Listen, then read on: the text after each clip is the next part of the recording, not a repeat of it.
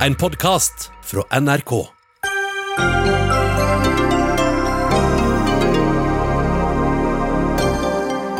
Grensene åpnes for store deler av Europa. Regjeringen ønsker tyskere og spanjoler hjertelig velkommen til norske fjord og fjell, og de må gjerne legge igjen store pengesummer på veien. Men nordmenn vi får råd om å holde oss hjemme, med mindre vi absolutt må ut på tur. Norske aviser pisker opp stemningen mot broderfolket. Den som leser norske medier må jo tro at man faller død om på svenskegrensa, mener redaktør i Strømstad Tidende. Sjekk smittetallene og ikke skyld på oss, svarer norsk kommentator. Og Ghislaine Maxwell er kvinnen som skal ha sendt unge mindreårige jenter i klørne på den mektige pedofile Jeffrey Epstein. Vil hun røpe noe som kan dra prins Andrew og det britiske kongehuset ned i søpla? Vi får høre mer senere.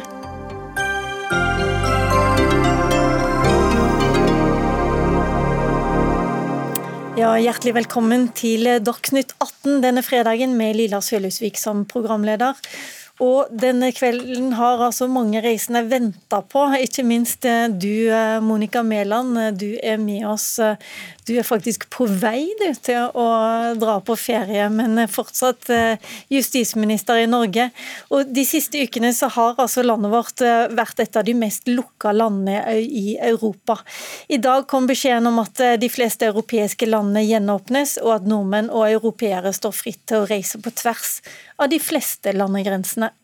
Men Samtidig som grensene åpnes og tyskere ønskes hjertelig velkommen til Norge, så anbefaler dere altså ikke likevel at nordmenn reiser ut. Eh, Monica Mæland, hvordan skal vi forstå denne beskjeden? Nei, Det har jo aldri vært ulovlig å reise ut, eh, ut fra Norge. Men, eh, men, det er slik at når vi nå endrer reiserådene, så sier vi at nå kan man reise uten å komme i karantene til eh, de fleste land i eh, Europa, med noen unntak basert på smittevernfaglige råd. Og så er det slik at Hvis man reiser, drar til andre land enn de som er grønne på kartet nå, så må man i karantene.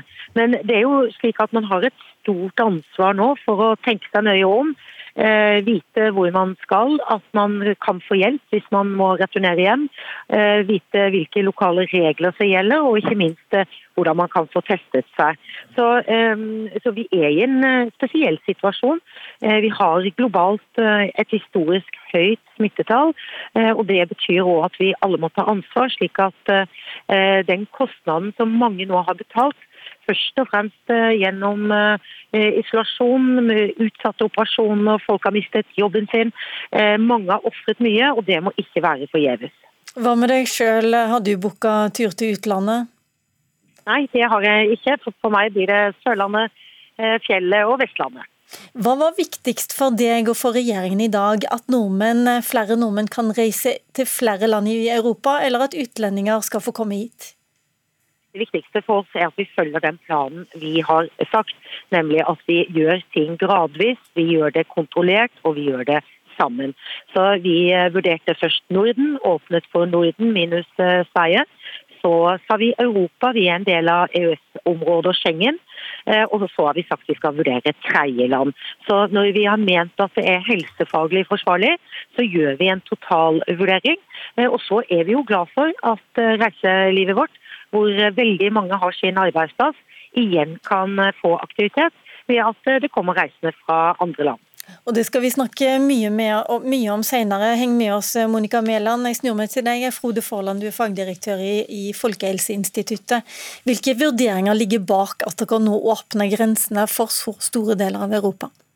Det er jo en logikk her med å prøve å finne de landene som eh, har en smittesituasjon som er nokså lik den som vi har i Norge. Og Da har vi sett på hva slags kriterier vi kan bruke, og starta med å vurdere dette i forhold til nordiske land. Det har vi gjort nå i to økter, og nå har vi òg åpna opp for land i Europa som har en smittesituasjon som er det vi tenker som er betryggende nok til at vi kan åpne grensene. Og Det er under 20 nye tilfeller per 100 000 innbyggere de siste 14 dagene. Og i tillegg et nivå på at en har under 5% positive tester av covid-smitte. Men vi ser jo stadig at det kommer nye utbrudd, f.eks. i Spania, i deler av landet. og Likevel så er hele Spania grønt på kartet. Ja, og det er en god påpekning. og jeg tenker at Det er viktig for alle som skal ut og reise nå, at de tenker over situasjonen. Dette kan fort oppstå igjen. Og Vi ser det både i Norge og i Spania og i en rekke land i verden, at det blir nye utbrudd her og der. Og Vi ser òg at i mange tredjeland, land utenfor EU, så er det jo stor pågående økning i epidemien. I USA, i Brasil, i land i Asia f.eks. Og så ser vi da større utbrudd i eh, visse byer både i, i Spania, Eh, i nord, eh, vest og i nordøst. Og de har stengt ned områder igjen. I, I, Australia har de òg sett en lignende situasjon i Melbourne, der de har stengt ned nå hele delstaten Victoria. Hva, hva, skjer da hvis du drar til, til Barcelona-området og, og, blir syk, hva gjør du da? Hvis du blir syk, så må du forholde deg til helsevesenet der du er. Og ingen skal reise på fly hvis de er syke. Da bør de prøve å være i karantene der de er til de blir friske. Men du eh, regner med, jeg hørte deg på pressekonferansen i dag, da sa du at det, nå regner dere med at flere nordmenn kommer til å bli smitta fordi grensene åpnes? Ja, Vi må være forberedt på det. Altså, Det å stenge grensene har faktisk vært et ganske effektivt virkemiddel for å holde ned smitten i denne pandemien.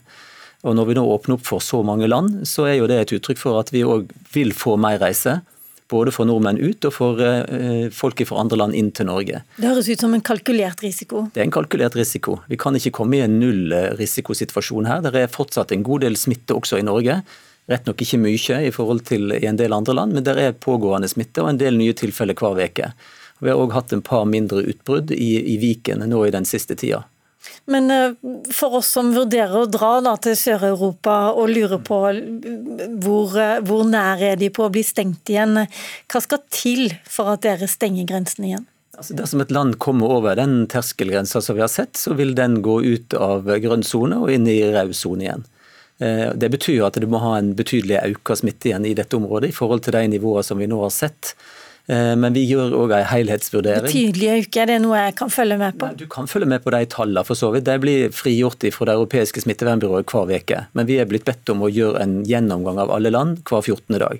Men dersom det blir en stor ny smitteoppblussing, f.eks. i Spania, så vil en kunne ta ut det landet før det har gått 14 dager. Dersom en anser at nå er det en uforsvarlig plass å reise til.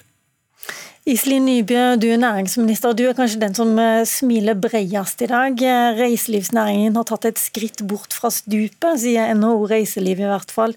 Hvor viktig er det for dere at tyske og nederlandske turister nå får komme til Norge? Altså, Tyskland eh, og Nederland er jo et stort og viktig marked for, eh, for, reiselivet. så Det at vi åpner opp grensene nå, gjør at flere turister kan komme. Det er selvfølgelig positivt for eh, et hardt pressa reiseliv. Samtidig så er det òg viktig for næringslivet at vi har kontroll på smitten. For det er ingen som ønsker at nå skal, vi skal miste kontrollen og at vi igjen må stenge. Så vi må fortsatt gjøre vårt for å holde smitten nede. Vi må vaske hender, holde avstand, teste oss hvis vi får symptomer. og Det gjelder både vi som er i Norge fra før men òg eh, reisende som kommer her. Men det høres nesten ut for meg ut som om dere sier at det er kjempefint. Tyskere og spanjoler kom gjerne til Norge, fine greier, grensene åpnes. Men eh, norske turister de bør, bør forbli norske turister eh, i Norge. Ja, vi er i alle fall tydelige på at eh, reiser du til utlandet, velger du å ta det valget, så, så er det ikke som om eh, det var i fjor. Altså, det blir en annen type reise i år. Du må eh, sette deg inn i de reglene som gjelder der du skal. Ting kan endre seg raskt, ting kan være uoversiktlig. Og de lokale smittevernreglene kan være annerledes og mer omfangsrike enn det vi er vant med her hjemme. Så det ligger et stort ansvar på de som drar mitt bakhode så var det litt sånn at næringsministeren gjerne vil ha både norske og tyske og spanske turister i Norge. Gjerne det, men venstrepolitikeren eh, er veldig glad for at vi nå kan åpne grensene litt. For vi har jo eh, stor glede både i Norge og i Europa av det grenseløse Europa som vi har blitt så glad i og blitt så vant med de siste 25 åra. Så jeg syns det er bra at vi kan åpne grensene. Det er positivt for oss som enkeltindivider, men det er òg positivt for eh, næringslivet. Men det følger noe ansvar med denne åpningen som vi må være bevisste på. Norske ordførere har tidligere hatt både søringkarantene og hytteforbud som de har ønska seg, nettopp for å beskytte sine innbyggere. Tror du at de vil være mer velkomne når, når uh, søreuropeere kommer på besøk? Det er nok eh, mange som nå ser at vi har et reiseliv, et næringsliv, som òg trenger denne aktiviteten, og som sånn sett eh, ser fram til å kunne ønske tyskere, nederlendere, andre velkommen eh, til sin plass, til sitt hjemsted. Eh, og jeg er helt sikker på at de kommer til å bli eh, godt tatt imot. Samtidig så er det jo en kalkulert risiko, dette. Og vi må være eh, bevisste på de, den risikoen som er der, og de forholdsreglene som vi må ta. Og reiselivet selv har òg vært veldig opptatt av å ha disse gode gode smittevernrutinene, disse veilederne, disse bransjestandardene. Fordi at både vi som er nordmenn og ferierer i eget land, og de utlendingene som kommer til oss, de som jobber i reiselivet, alle skal være trygge når vi er på ferie. Jeg hørte en som, eh, som eh, leder eller som, som, er sjef for en campingplass eh, i Molde-traktene, sa i dag at han var ikke noe i stand til å høre forskjell på portugisisk og spansk f.eks., eller rumensk og kroatisk. Er det han som skal si nei til de som fortsatt er røde merker på kartet, eller skal de stenges, stoppes ved grensa? Ja, jeg har veldig stor forståelse for at folk har problemer med å skille ulike språk fra hverandre hverandre. Og, eh, og, det er klart det kan oppstå noen sånne tvilstilfeller og noen vanskelige situasjoner. og Da må vi håndtere de eh, når de kommer. Men det er jo grensekontroller, eh, så det er jo en viss oversikt på dette. Men i stor grad så, så er vi òg avhengig av at folk eh, oppfører seg og forholder seg til de lover og regler som gjelder. Ja, altså At kroatene og rumenerne skal skjønne at de ikke er velkomne? Ja, vel, ja, det, jeg vil si det er litt feil å si at de ikke er velkomne, men akkurat sånn som situasjonen er nå, så er det de grønne områdene som har tilsvarende smittesituasjon som oss, som har sagt at kan komme uten å ha karantene. Men andre kan jo òg komme, men da er det eh, andre karanteneregler som, som gjelder. Frode Forland, du eh, må forklare oss. Eh, der er fortsatt en del røde land på europakartet. Hvorfor er de fortsatt røde? De aller fleste av disse landene er røde fordi at eh, de har hatt eh, smittetall som er for høye i forhold til de kriterier som er satt. Ungarn er et unntak. Der mangler vi de tallene som vi har hatt behov for for å kunne vurdere situasjonen. Og Vi stoler på de tallene som vi får fra det europeiske smittevernbyrået.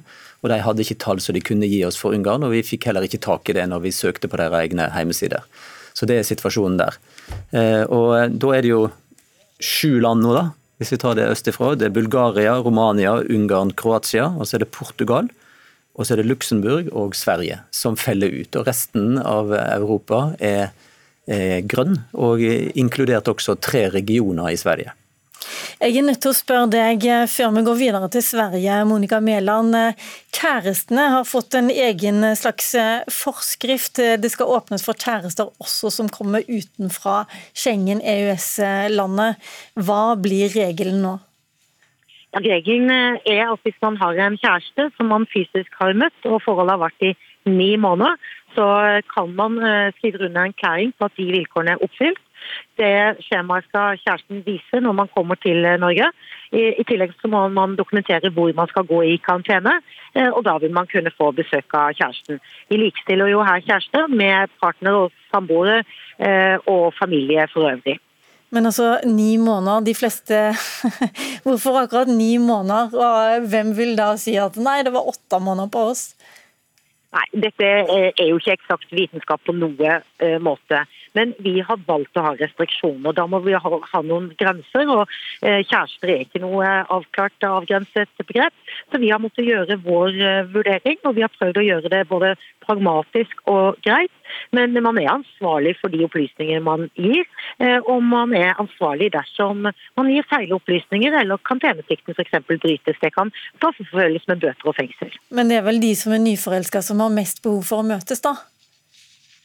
Ja, Nå vet jeg ikke om det er noen grense for når man er nyforelsket og ikke. Jeg vet hvor den heller går. Eh, jeg håper han går litt lenger enn ni måneder, kanskje. At eh, veldig mange har veldig sterke følelser eh, for å få se kjæresten sin nå etter mange måneder, det forstår vi. Og så er det jo sånn at vi har disse begrensningene av smittevernhensyn. Og det er òg grunnen til at vi kan gjøre noen utvidelser basert på det vi mener er fornuftig. Og vi tror ikke at grensene våre kommer til å oversvømmes av kjærester, men noen vil komme komme på besøk, og det er bra. Ok, Vi får se om UDI oversvømmes av folk som eh, gjerne vil ha kjæresten på besøk. Eh, takk eh, så langt.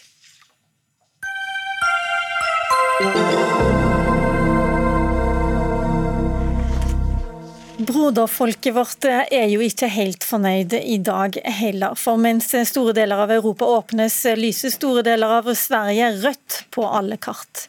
Verst smittetall i Europa, sier du på pressekonferansen i dag, Frode Forland, fortsatt ved Folkehelseinstituttet. Hvor dårlig mener du det fortsatt står til, da, siden dere ikke åpner noe mer enn tre små regioner i sør? Det går jo bedre i Sverige, heldigvis. Smittetallene går nedover. Og i eh, et stort perspektiv så går dødstallene òg nedover jevnt og trutt. Og vi håper jo at eh, Sverige snart er gjennom den eh, tunge første fasen av epidemien som de har hatt. Men når vi nå bruker disse kriteriene på de ulike regionene, og i Sverige så har vi gode tall på regionnivå, så er det tre regioner som vi mener er realistisk åpne for nå. Og Det er jo Kronoberg og Blekinge og Skåne i sør-øst i Sverige. Og der er ikke du, Johanna Søderberg, du er kommunalråd i Eda kommune. Det ligger omtrent sørøst for Kongsvinger. Dere hadde håpa på et annet budskap fra Norge i dag. Hva er det som står på spill for dere? Ja, som grensekommune så har vi jo veldig mye kontakter med norske siden. Det er jo to dimensjoner. Vi har jo servicenæringen som er basert på till 80 procent på, på norske besökare. Sen har vi det sociala livet naturligtvis. På väldigt många ställen efter gränsen mellan Norge och Sverige så är det skog. Men hos oss så finns det bebyggelse ända fram till gränsen. det har varit över åren väldigt mycket sociala kontakter. Och som vi pratade på tidigare, det är väldigt många som inte kan träffa sina nära och kära og barn, barnbarn och käreste och, och så vidare. Men Sen har vi ju Antallet koronadødsfall i Sverige nå det er 22 ganger så høyt som i Norge. Forstår du at reglene er blitt som de er blitt? Jeg kan forstå det, men det kjennes enda litt urettvist for vi som bor lengst vest i Sverige og i, vestre Värmland lengst grensen. Vi har jo ikke mer smitte på den svenske sida enn hva de har på den norske sida hos naboen vår. Hva sier du til det, Frode Forland? Det er helt sant at eh, hun har ikke noe mer på hennes side av, grensa enn på den norske sida. Kunne man ikke tenkt litt annerledes på disse regionene? Det stemmer ikke det hvis du ser på det på regionbasis. Altså, Eda ligger vel i Värmland, så vidt jeg eh, kjenner til.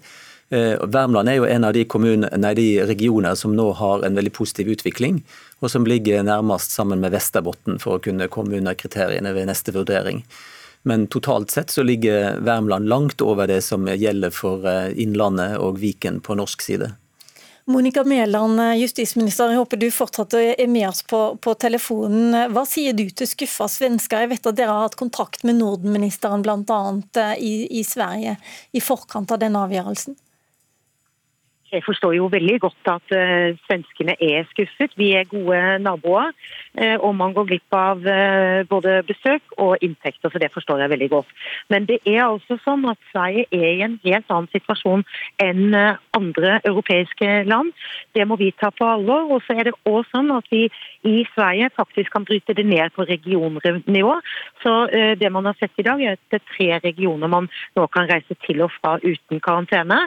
Og så får vi jo håpe at den trenden vi har sett i Sverige, nemlig at den er nedadgående, fortsetter, slik at flere regioner kan åpne opp. Det er mange nordmenn som har et nært eh, forhold til Sverige, og som er vant til både feriere og eh, har hytter i Sverige, og, eh, og vice versa. Så det håper vi jo skal løse seg. Men akkurat nå så er det smittefaglige hensyn som gjør at vi har måttet eh, ha et rødt kart over store deler av Sverige. Johanna Søderberg, nå har du fått forklaringen både fra Folkehelseinstituttet og fra justisministeren. Slår du deg til ro med det? Ja, jeg forstår jo det. Det jeg tenker og, og sier, det er jo at uh, en skulle ønske at uh, grenseregionen burde tenkt på ikke i Värmlandsperspektiv, utan som en grenseregion. Og der, der ligger jo vi veldig mye bedre til enn om en regner hele Värmland. Det handler vel litt om hvordan man danner disse, eller hvordan man regner disse regionene for land? Altså, det er jo ikke vi som setter opp regionskartet for Sverige. Det er fastlagt av andre myndigheter, og vi får de tallene fra Folkehelsemyndigheten i Sverige. Og de er angitt på regionsnivå. Og Vi har jo ikke sett på det som en mulighet å gå ned på kommunenivå, men eh, det er klart det har vært et argument også i Strømstad-regionen. Eh, og det er klart det er lokale forskjeller på kommunenivå, både i Norge og i Sverige. Men eh, så langt så er det sånn at vi får tallene på regionnivå og har fått beskjed om å vurdere det på det nivået. Og Det er òg et ønske for regjeringa å gjøre dette på landnivå nå. Men der vi har gode tall som vi kan stole på på regionnivå, så er det fortsatt slik at vi kan eh, bruke den type vurderinger. og Det gjelder for Sverige. Men da er det jo faktisk sånn at eh, hvis man kommer fra, eh, hvis man kommer fra Eda, da, eller hvis man kommer fra et kjøpesenter på Nordby, så må man i karantene i Norge. Men hvis man tar turen til Barcelona, da kan man bare gå rett ut i samfunnet og gjøre hva man vil, ikke i karantene. Slik er det. Sånn er det. Ok, Da vender jeg meg til deg. Jeg er nyhetssjef Jakob Simonsson på Strømstads eh, Tidning. Altså, Du sier at du ikke er overraska eh, over det som skjedde, og du mener at norske medier har en viktig del av skylda for at eh, den svenske grensa ikke er åpna? Ja, eh, siden koronapandemien brøt ut, så syns jeg at Eh, den norske mediebilden, ikke minst i norske kveldstidninger. Mye jeg har lest, har i princip gått ut på at Anders Tegnell leder svenskarna mot döden med åpne øyne, og at man i princip, ja, man får følelsen av at om man korser grensen til Sverige så faller man død ned. Eh, och det, det blir veldig rart, for jag, jag tycker att det blir väldigt missvisande att jämföra länder med varandra. Coronasmittan är ju lokal och internationell. Och precis som eh, kommunalrådet i Eda var inne på så är det ju likadant i eh, Strömstad vad gäller smittsituationen. Vi hade 27 bekräftade fall sist jag kollade i en befolkning på drygt 13 000. Och det är ju, då har ju Strömstad mindre coronasmitta än Halden og andre kommuner i Viken, om jeg har forstått det rett. Vi skal ikke gå videre på akkurat disse smittetallene. Jeg tenkte jeg skulle spørre deg først. Hans Petter Sjøli, du, eh, du, er kommentator i VG og skriver om ditt kjære Sverige, som du sier eh, i avisa i dag. Men du avslutter også med å spørre Sverige hvor ble det så her? Burde du heller spørre deg selv og dine kolleger om dere har skyld i at forholdet mellom broderfolkene nå har surna ganske kraftig? Nei, jeg syns ikke det.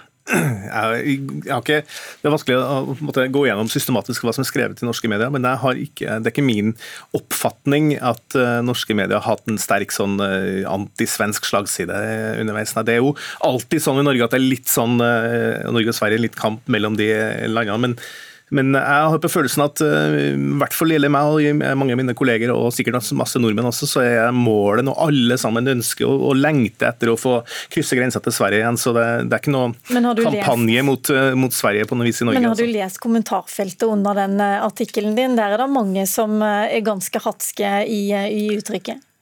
Ja, Det er jo en egen sjanger, det der kommentarfeltgreiene, så det, det, er vanskelig å, å vite hvor, hvor, representativt det er. Men, men så, som jeg skriver i dag også, så, så er det i hvert fall Min store, altså tror Vi er helt enige om, både norske helsemyndigheter og alle andre, at nå vi håper at den gode trenden i Sverige fortsetter, fortsetter, sånn at vi så fort som mulig får åpna den grensa. For den er viktig også kulturelt og identitetsmessig i den grensekulturen. og Vi er jo alle sammen veldig glad i ikke bare å handle i Sverige, men å være i Sverige. Bare på svenske butikker og svenske restauranter. Det, det er en del av det å være norsk, det å krysse den grensa der. og Vi håper at det skjer fort igjen, at vi kan gjøre det. Da lurer jeg litt på, Jakob Simonsen, har du noen flere eksempler på at eh, norske medier eh, pisker opp stemningen? Jeg har lest noen krøniker som har vært eh, på den nivåen. Ikke faktisk Hans Petter Sjølis seneste krønike, den syntes jeg var bra.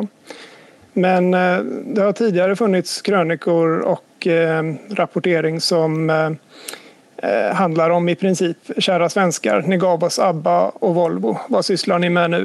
Ni går mot döden med öppna ögon ungefär. Och eh, jag har liksom eh, fått eh, uppfattningen att man rapporterar om allting så, så, att säga som ställer Sverige i en negativ dager. Men man blåser inte upp det lika stort om det är någonting positivt. Om det liksom handlar om positiva nyheter om Sveriges corona hantering. Men da lurer jo jeg litt på, Er det viktigere for dere å kritisere norske medier enn det å kritisere egen, altså svenskenes egen håndtering av koronapandemien? Ja, egentligen. Jeg, jeg er jo journalist og ikke noen koronaspesialist. Og det er jo åpenbart at situasjonen, koronasituasjonen i Sverige er langt mye verre enn i Norge. Så det, det er jo inget snakk om det. Men däremot så tycker jag att man klumpar ihop Sverige som en helhet när man istället borde titta på del för del. Om, om det är så att man kan skilja de svenska dödstalen på Anders Tegnells coronahantering, då borde ju smittspridningen se ungefär likadan ut i hela landet. För det är ju samma restriktioner som införts över hela Sverige. Men tittar man del för del så har ju Skåne färre döda i corona än Danmark till exempel. Det er vel sant også, Shirley, at det er en del norske kommentatorer som har eh, ja, nesten vært morsomme på svenskenes bekostning i denne situasjonen, selv om det er tragisk underlag her? Ja, jeg hører det påstås det. Jeg er ikke så sikker på om at det har vært det. Eh, kanskje litt i starten var det sånn. Eh, altså, som jeg sa, så er det jo alltid en sånn eh, kamp mellom Norge og Sverige. Litt sånn broderfolk som, eh, som hisser opp hverandre og, og, har det litt moro med hverandre. Men jeg har ikke på følelsen at det gangen her så jeg, Som jeg sa, så tror jeg at veldig mange av mine kollegaer, og, og også i norsk offentlighet, så er, så er liksom Vi syns først og fremst at det er veldig synd at det har blitt sånn. Og så er jo sånne som meg, i forskjell fra Foland og sånn, jeg har jo ikke noe, noe peiling på hvorfor det har blitt sånn, for så vidt, om det er Tegnell eller om det er andre, men det har i hvert fall et faktum at det har mye mer spredning i Sverige. Og så er det jo sånn som når han påstår at, eh, at de ikke vurderer de ulike regionene. Vel, det, det gjør vi jo. Vi har jo faktisk åpna tre, tre len i Sverige da. og Det betyr jo at, at hvis den utviklinga fortsetter i Bohuslän og i Värmland, og sånn, så, så vil jo sannsynligvis det også bli åpna relativt raskt. Men er ikke det litt rart at Anders Tegnell er blitt nærmest et sexsymbol i Sverige, mens han er blitt et hatobjekt i Norge? Ja, han ble sex... Ja, jeg vet, ja, altså, Dette har jeg bare lest i svenske medier. ja, Tegnell har jo blitt symbolet på det her, da, men eh, som sagt så jeg, jeg har ikke noen grunn til å vurdere hans innsats. Han er sikkert en helt ypperlig epidemiolog. Så, så, men, men, eh, men, det er jo litt sånn at vi, i sånne situasjoner så blir vi jo litt sånn nasjonale i innretninga vår. Da. Vi vil forsvare den måten vi har gjort det på i våre land, og, sånn, og det ser vi jo kanskje litt her også. Eh, Forland. Ja, et lite øyeblikk, Simonsson. Hva sa du for noe? Kom igjen fra Sverige.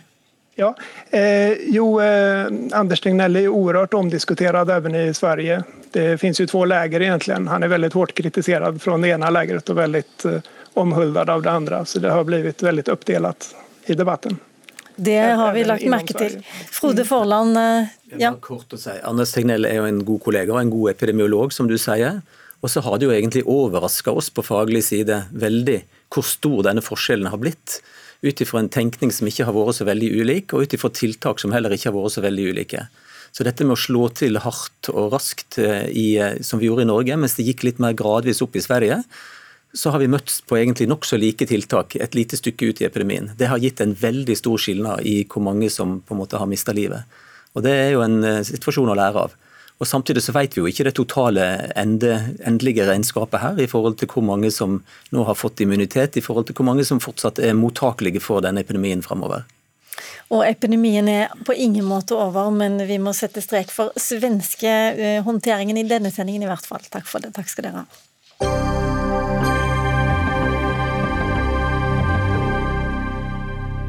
Tilbake i studio kom næringsminister Iselin Nybø.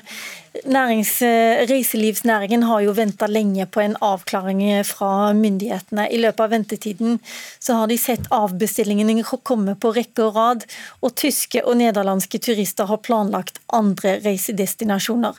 Astrid Bergmål, du er leder i Virke reiseliv, og du er med oss fra Haugesund. Du mener denne beskjeden som dere fikk i dag kunne ha kommet tidligere. Hvorfor det? Nei, Det eh, vi har pekt på er jo det at når beskjeden kommer så seint som den eh, nå gjør, og så er det jo sånn at mange turister har valgt andre reisemål i Europa. fordi eh, på, I mange europeiske land så kom denne beskjeden før. Og så er det jo sånn at Konkurransen om de europeiske turistene er knallhard òg til vanlig. Og Når vi da kommer tre uker etterpå, eh, har mindre markedsføring enn vanlig, så er det klart at eh, dette blir tøft. Men vi har stor respekt for at eh, man gjør det på denne måten hos norske myndigheter, men da må man òg være klar for å, komme med tiltak og hjelp som kan få denne næringen gjennom krisen. For Det som har kommet i dag, det var veldig gledelig, men det vil alene ikke hjelpe reiselivsnæringen gjennom krisen. Iselin Nybø, hvorfor eh, skulle Norge være sist i Europa? Vi har ikke vært de verste når det gjelder verken smittetall eller antall dødsfall. Altså, dette er en annerledes sommer, og, og, det er mye mer uforutsigbarhet enn det vi er vant med. Men regjeringen har vært tydelige hele veien på at eh, en gjenåpning må skje gradvis. At vi skulle begynne med de nordiske landene, og det gjorde vi. At vi skulle vurdere eh, Europa etterpå, og det har vi nå gjort. Og så får jo verden som sådan komme i neste rekke, i neste fase. Og Dette har vi hørt veldig mange ganger, det skal skje skrittvis og gradvis og alt det der. Men spørsmålet nå er jo om dere har somla litt mye. Jeg mener vi har eh, vært tydelige hele veien på hva som har vært planen, og det er å ta det skrittvis. Eh, jeg har stor forståelse for at eh, reiselivet skulle ønske seg åpne grenser, og at de skulle ønske seg det tidligere. Det skulle jeg òg ønske, men situasjonen er nå den den er. Det er en uoversiktlig situasjon, òg i Europa. Det er ikke sånn at smitten er over. Vi har ingen behandling, vi har ingen vaksiner. Vi kan nå se på de erfaringene som Europa har gjort seg, de som har åpna. Eh, og vi kan ta ting litt skrittvis og delt se oss sjøl, men at det er viktig for reiselivet nå å kunne ta imot ikke minst tyske og nederlandske turister, det har jeg stor forståelse for, og jeg tror det er mange som ser fram til at de kan eh, komme nå i juli. Astrid Bergmål, hva skal til for at eh, eller er alt på plass, rett og slett, i norske bedrifter? Står folk bare klare nå til å liksom fylle opp senger og, og plasser eh, for disse turistene? Norsk reiseliv har vært utrolig god på å forberede seg og er nå klare til å ta imot. Det er god plass, men det er klart at det er utrolig krevende å skulle planlegge for en sommer som det her, der vi vil få nye reiseråd annenhver uke. Det er vanskelig for de som driver reiselivsnæring både i Norge og de som skal sende norske turister eh, på tur. Så den uforutsigbarheten er jo krevende. Vi skjønner at eh, det er gode grunner til at det er sånn, men det gjør det nok vanskelig. Og vi er jo redd for at den uforutsigbarheten gjør at det òg vil komme færre eh, enn det vi har håpet på. Men når det er sagt, så er vi glad for at vi har fått denne åpningen i dag. Og vi håper jo at flest mulig kommer til å komme og fylle opp norske hotellsenger. Du sier at du forventer at regjeringen nå må ta konsekvensen av restriksjonene. Hva betyr det? Hva er konsekvensen av restriksjonene som du mener regjeringen skal ta? Altså, eh, det som disse restriksjonene har medført, er at Norge har vært stengt for alle praktiske formål siden 12.3. Det gjør jo at butikken har vært stengt. Omsetningen er borte eller har gått betydelig ned. Eh, og da er det jo sånn at Når man i tillegg da har venta ganske lenge med å åpne grensene, eh, når man har stor uforutsigbarhet, og når man i tillegg da har kutta i markedsføringstiltak til Innovasjon Norge, ja, da er det jo sånn at dette er tøft. og Da forventer vi at regjeringen i stedet for å avslutte de tiltakene som de har kommet med, og de ordningene de har kommet med, i sommer eller i høst, fortsette med de mye lengre, og at de òg finner bransjespesifikke tiltak for reiselivet. For dette kommer ikke til å være over, verken i 2020 eller kanskje heller ikke i 2021. Ok, Hvis eh, Norge skal foran i konkurransen nå, så må Innovasjon Norge f.eks. få mer penger. Iselin Nybø, har dere det? Altså det er sånn som eh, vi får vurdere. Vi har hele tida sagt at vi må komme tilbake nå som sommeren er over, eh, og se om det er behov for å ha ytterligere tiltak, forlenge noen tiltak, se på nye ting.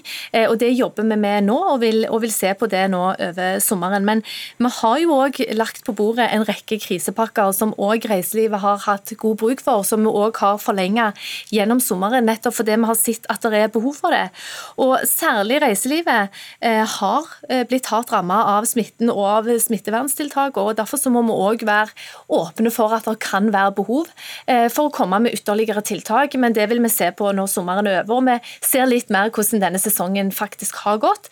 Og Jeg håper jo òg at det at vi nå åpner opp for bl.a. Tyskland, gjør at man får en litt lysere sommer enn det man kanskje hadde frykta at man ville få.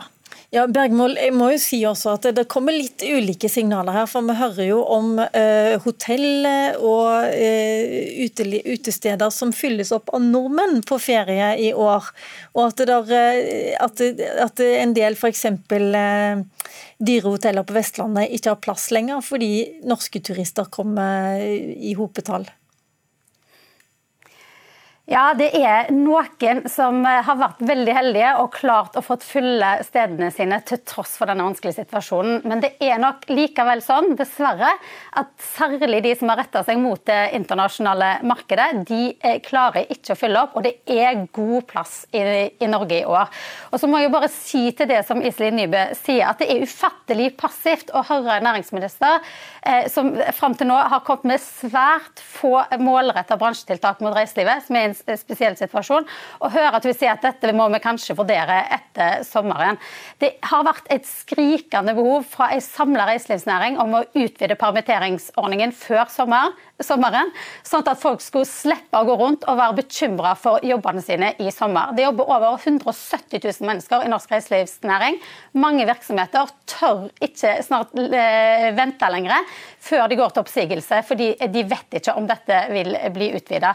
Kan du si noe mer enn å komme tilbake? burde vært løst kan du si noe mer? Altså, eh, jeg må, jeg må avbryte deg fordi at uh, Iselin Nybø må gå, men hun skal få lov til å svare før hun går. Har du noe annet å si egentlig enn at du skal komme tilbake igjen til dette over sommeren for, eller til høsten? Ja, for Hele poenget vårt har jo vært eh, i, den, eh, altså i vår at vi skulle ha eh, breie ordninger som, som, traff hele næringslivet. Må, det var ikke bare reiselivet som sleit, det var mange.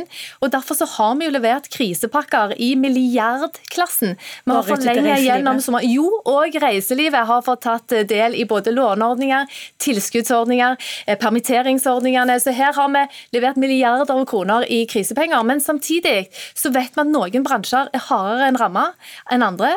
og Derfor så må vi òg være åpne for at det er mulig, vi må gjøre mer. Og Det har vi hele veien vært tydelige på, og det må vi komme tilbake igjen til. Dette må vi komme tilbake igjen til. Takk skal du ha, Iselin Nybø, eh, næringsminister, og takk også til Astrid Bergmål i Virke.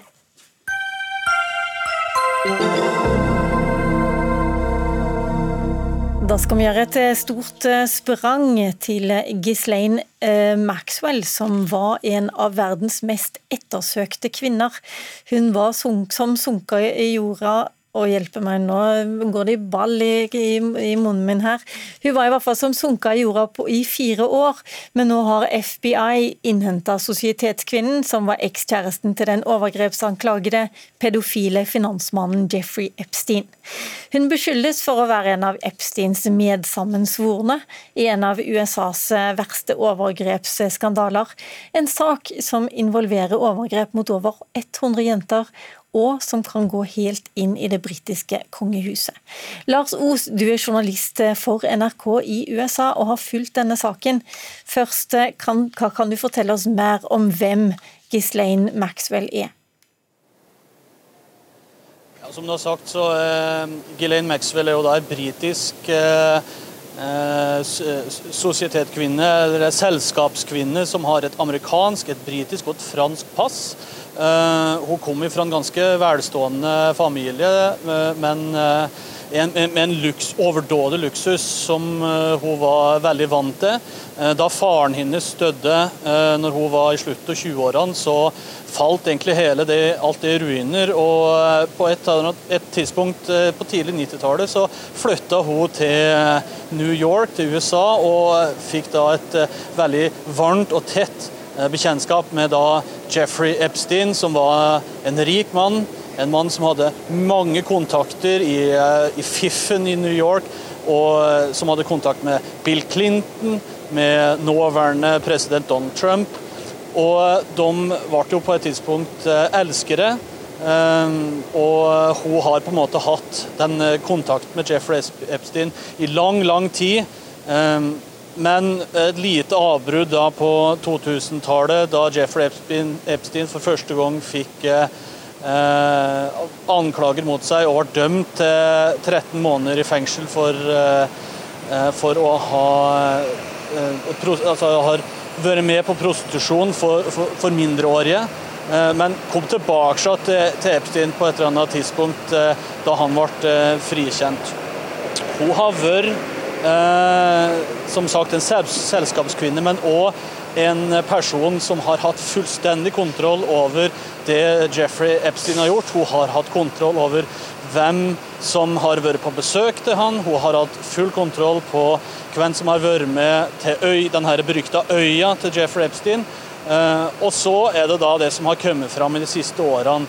Og det hun er anklaga for nå, det er det at hun har da eh, rett og slett eh, fått unge jenter under seksuell lavalder til seg. Hun har stifta bekjentskap til de her jentene, og så har hun da grooma dem, som det heter, Eh, til Jeffrey Epstein, og, og faktisk ifølge rettspapirer er medskyldig i seksuell aktivitet eh, på mindreårige jenter. Takk skal du ha, Lars Os, midt i trafikken i USA. Vi har med oss Hilda Nyfløtt. Du har dekka denne saken som journalist i VG, og har også intervjua bistandsadvokaten til fem av jentene som anklager Epstein for overgrep. Hva er det de sier at Maxwell har gjort? De sier at hun har vært med og rekruttert eh, jenter. Og vært med på overgrepene selv. Så eh, hun har gjort begge deler, hevder de da. Og det er um, I tillegg til det så sitter jo hun på mye informasjon om andre medsvarende også. Som foreløpig ikke har blitt uh, sikta i saken. Så det er nok veldig mange i USA nå som er veldig redde for at hun skal angi de i um, forklar sine forklaringer til politiet. Det er vel noen som eh, sitter i det britiske kongehuset også og er litt bekymra? Det er det. Prins Andrew han er anklaget for å ha hatt sex eh, med en av Epsteins sexslaver. Eh, Virginia Duffrey. Så hun har sagt at hun har hatt sex med ham flere ganger, at det er Epstein som betalte henne for det. Og det er også i tillegg til det, i tillegg til han, så er det også advokaten, altså forsvarsadvokaten til Donald Trump. Han er også anklaget for å ha hatt sex med henne. Men når det, når det, gjelder prins Andrew, så har jo han nekta for det hele. Han sier han ikke kjenner 14-åringen, det skal være et bilde, og det sier han er manipulert. Ja. Eh, og så vidt jeg har lest i dag, så kommer ikke Maxwell til å avsløre noe som helst om sin gode venn eh, prins Andrew. Hva tror du?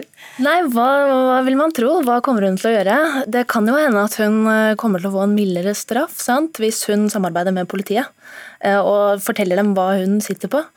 Men eh, det er sånn at eh, prinsen uansett er beskytta eh, av en lov som gir immunitet til de kongelige. Så han, han sitter nok trygt uansett og, er, og kan unngå en rettsforfølgelse, da.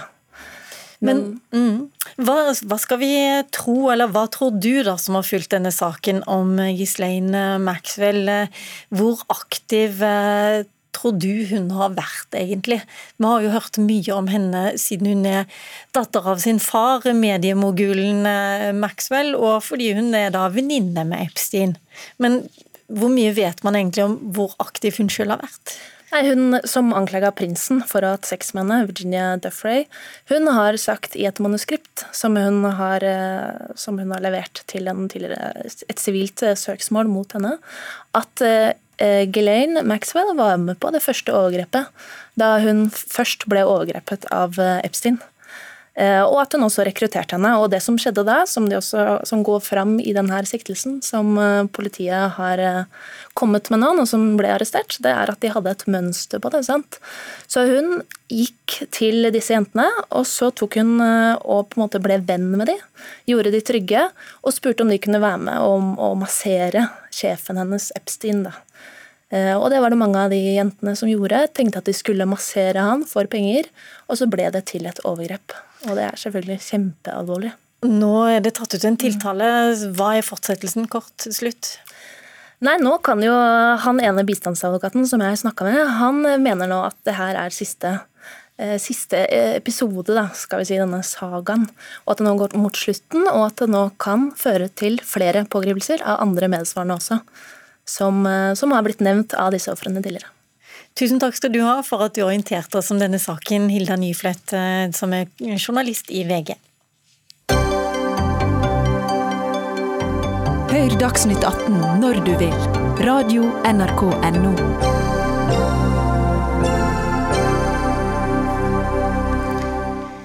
Ja, vel er grenser åpna, men båtfolket blir fortsatt møtt av de samme covid-19-begrensningene nå som havnene hadde i starten av mai. I Stavern er det ikke lov å få tøyet til en annen båt, eller ligge utenpå som det kalles, for å unngå at båtgjester må gå over andres dekk for å komme i land. Denne bestemmelsen fører til at en havn som Stavern, som vanligvis huser 150 båter eller mer, nå kan ta imot 50. Og hvordan er da stemningen eh, på havna i eh, Stavern, havnesjef Inger Kristiane Grønvoll? Jo, stemningen Nå er jeg også daglig driver, jeg er ikke havnesjefen. ok, daglig driver, unnskyld det. Ja. Ja.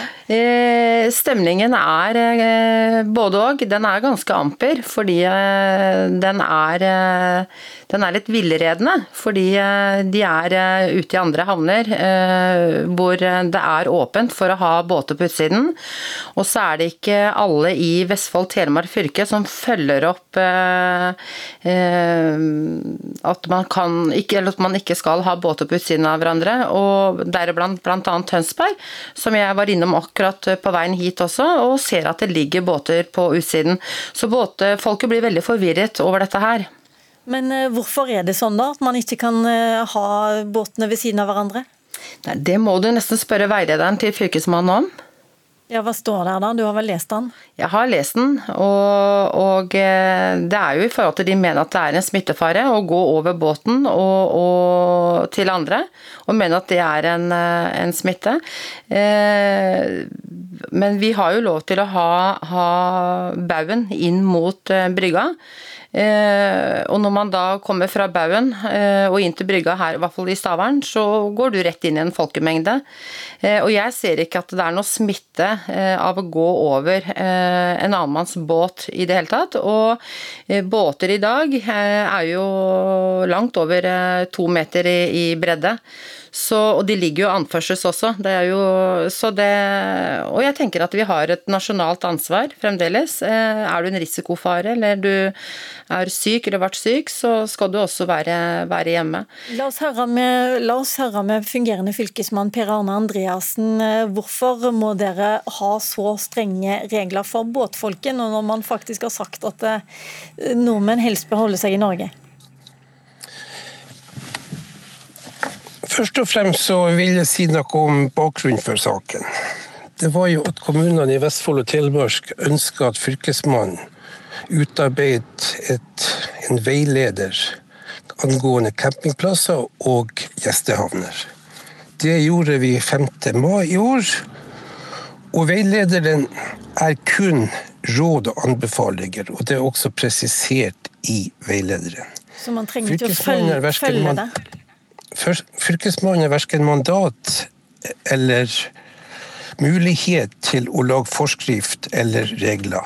Det er det opp til den enkelte kommune og kommuneoverlegen å vurdere ut fra gjeldende regelverk, dvs. Si smittevernlovgivninga.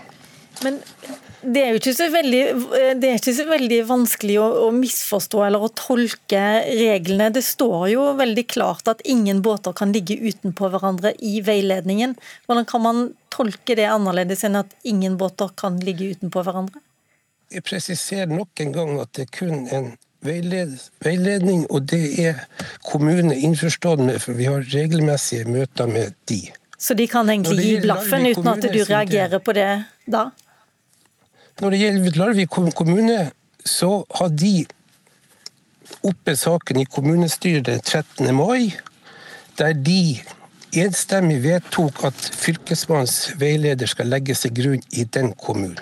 Ok, men Inger Kristine... Og Kommunen har mm. regelmessig oppfølging med møte hver uke for å vurdere om veilederen fortsatt skal legges til grunn eller ikke. Det høres ut som om du skal gå på kommuneoverlegen din istedenfor eh, Inger Kristine Grønvoll. Eh, jeg må virkelig si at eh, kriseteamet i Laure kommune er et fantastisk team. Og kommunen følger veilederne til Fylkesmannen. Så jeg stusser veldig ved tolkningen som dere er inne på her nå, at den kan tolkes feil. jeg må også si at jeg stusser veldig over at i et sånt vedtak og en veiledning at man ikke går inn og tenker på en risiko. Hvor ligger havnene? Da tenker jeg da på, spesielt på Stavern. Eh, fordi at Den siste tiden så har det vært mye vind, nedbør og vanskelige forhold. og Det er kombinert med svært mange benytter fritidsbåtene sine på den norske Skagerrakkysten. Og området rundt og syd for Stavern er kjent for å by på vanskelig vær og bølgeforhold eh, for mindre båter. Og Dette er grunnen til at eh, det i sommerperioden har blitt tilbudt å seile i konvoi fra Stavernsområdet og forbi Rakkebåndet over Langesundsbukta. Og eh, det som vi opplever nå i Stavern eh, I dag har jeg hatt to telefoner eh, fra Nederland fordi de europeiske land åpner. Eh, og hvordan skal vi nå ut eh, til dette budskapet med at de eh, ikke kan få komme inn til Stavern? Det er den første havnen man møter. Okay. La, meg, la, meg, bare få spørre, for tida renner litt fra oss her. Per Arne Andreassen, det høres ut som om du rett og slett bare må skrive en ny veileder da, hvis du blir misforstått, eller hvis det, hvis det ikke var meningen det skulle bli sånn? Jeg presiserer nok en gang at det er en veileder, og det er kommunene som kjenner sine egne havner best, og så til enhver tid må vurdere hva som er viktig for å unngå økt smittefare. Ok, men Da må vi rett og slett bare håpe at Larvik kommune hørte den beskjeden. Jeg skal si tusen takk til Per Arne Andreassen, fungerende fylkesmann i Vestfold og Telemark for at du var med, og takk også til Inger Kristine Grønvoll, som eh, ikke er havnesjef, men daglig leder i Stavern.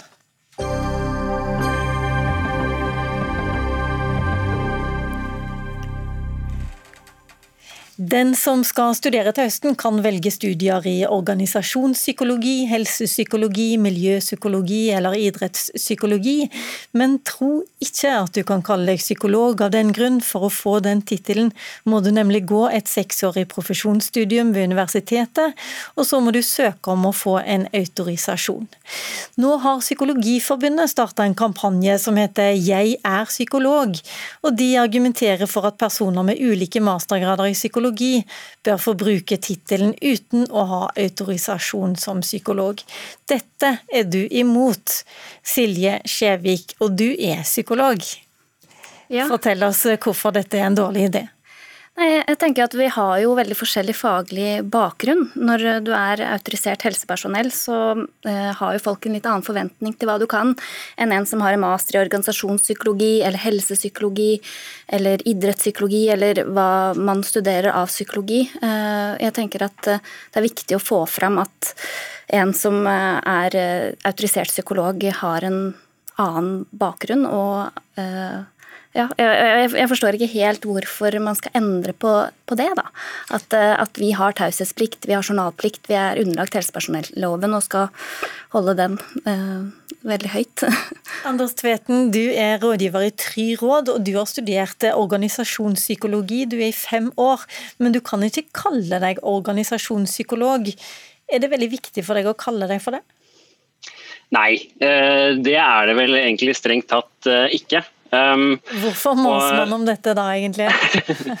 Nei, det hva skal jeg si at Jeg tror det som er viktig å tenke på her, er det at eh, i dag, i hvert fall som jeg merker det, i dag så er det ganske vanskelig å forklare og også ganske vanskelig å forstå eh, hva en med f.eks. en mastergrad i organisasjonspsykologi eller samfunnspsykologi eller hva det skal være, um, har som arbeidsfelt og kompetanse. Eh, og jeg tror at dersom man kan eh, definere en ny ny eh, yrkestittel, eh, så blir den også lettere å forklare og lettere å forstå hva den innebærer. Både for en selv, for arbeid, potensielle arbeidsgivere og for eh, kunder. Hva, hva eh, skal den tittelen være, da? Den, hva skal den være? Ja, I mitt tilfelle så ville det blitt da organisasjonspsykolog. Okay. Så det, det, det, er det du ønsker, at du, for, du skal kunne kalle deg organisasjonspsykolog, som du ikke kan kalle deg nå? Det stemmer. Um, nå er jo ikke jeg som har vært den som har ropt høyest for den endringen, men uh, jeg tror uh, rett og slett at det vil gjøre det enklere uh, for alle å forstå hva det innebærer. Um, og et ganske viktig poeng her, da, som jeg på en måte Jeg forstår jo argumentasjonen fra, fra, Silje på dette som går med pasientsikkerheten, men et veldig viktig poeng er jo at organisasjonspsykologer og andre typer psykologer med en masterbakgrunn skal ikke jobbe med pasienter. Eh, og det er ingen av oss som har, eh, i hvert fall veldig få som har en ambisjon om å gjøre det heller. Vi ønsker å bruke psykologikompetansen i andre deler av arbeidslivet. Jeg må innrømme at jeg blir litt forvirra. Jeg har studert eh, journalistikk i to år og kaller meg journalist. Hvorfor kan man ikke kalle seg organisasjonspsykolog hvis man har studert organisasjonspsykologi i fem år? Ja, ja det er et godt spørsmål. Og jeg tenker jo at Det er nettopp det som er så viktig, at man må skille disse feltene. ikke sant? Hvis du er organisasjonspsykolog i dag, så er du som regel en psykolog i bånn som har en videreutdanning, en, en, spesialisering innen organisasjonspsykologi som kommer etter at du er psykolog i bånn.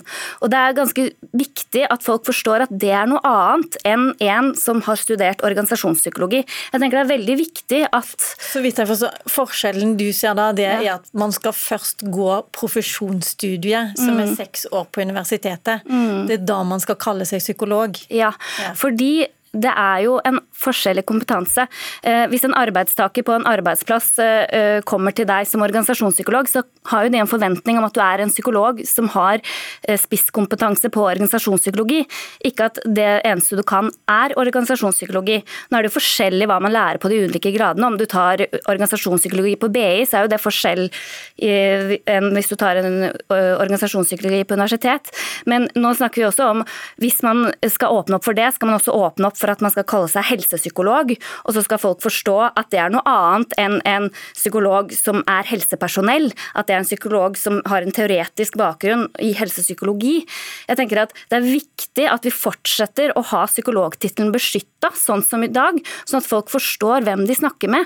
For det skaper en trygghet for alle å vite at jeg har taushetsplikt som psykolog, og at en som uh, har studert organisasjonspsykologi, ikke har taushetsplikt, ikke har meldeplikt, ikke er underlagt helsepersonell personelloven. Så jeg tenker at man ja, La, la Tvetne få svare på det.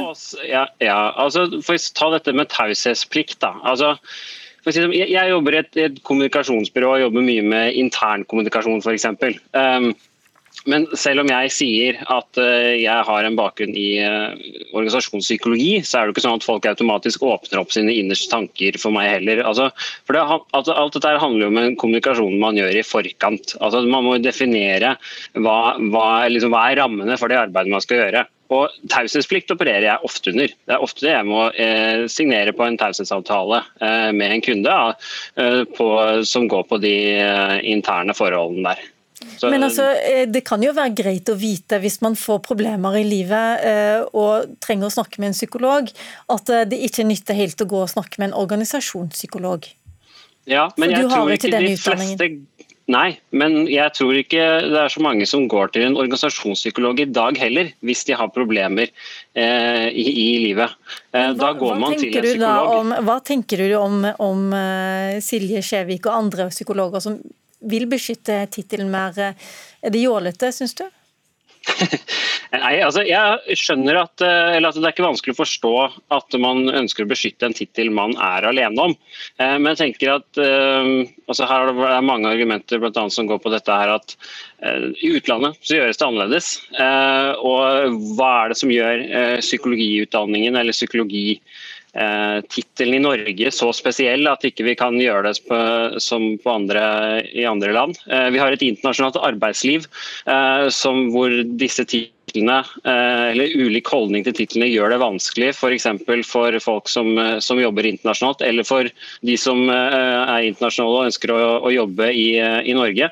Og så tror jeg det handler om det med at man må ta inn over seg at psykologien har flere retninger. Eh, og jeg syns eh, det er liksom å spore en viss sånn arroganse i, i den debatten her fra, fra psykolog, psykologstanden om at, uh, at du nesten tror at alle som, har, eller som har studert en mastergrad, aller helst skulle gått på profesjonsstudiet. For sånn er det jo ikke. Vi ønsker å bruke eh, Jeg ser at Silje Skjevik sitter og rister på hodet og gjerne vil snakke eller svare på, på, den, men det får hun faktisk ikke, for vår eh, tid er ute. Takk Silje Skjevik, psykolog i spesialisering, og Anders Tveten, rådgiver i Triråd. Jeg rekker bare å si at ansvarlig for sendingen det var Odd Nytrøen, teknisk ansvarlig Marianne Myrhol, og i studio Lilla Sølhusvik.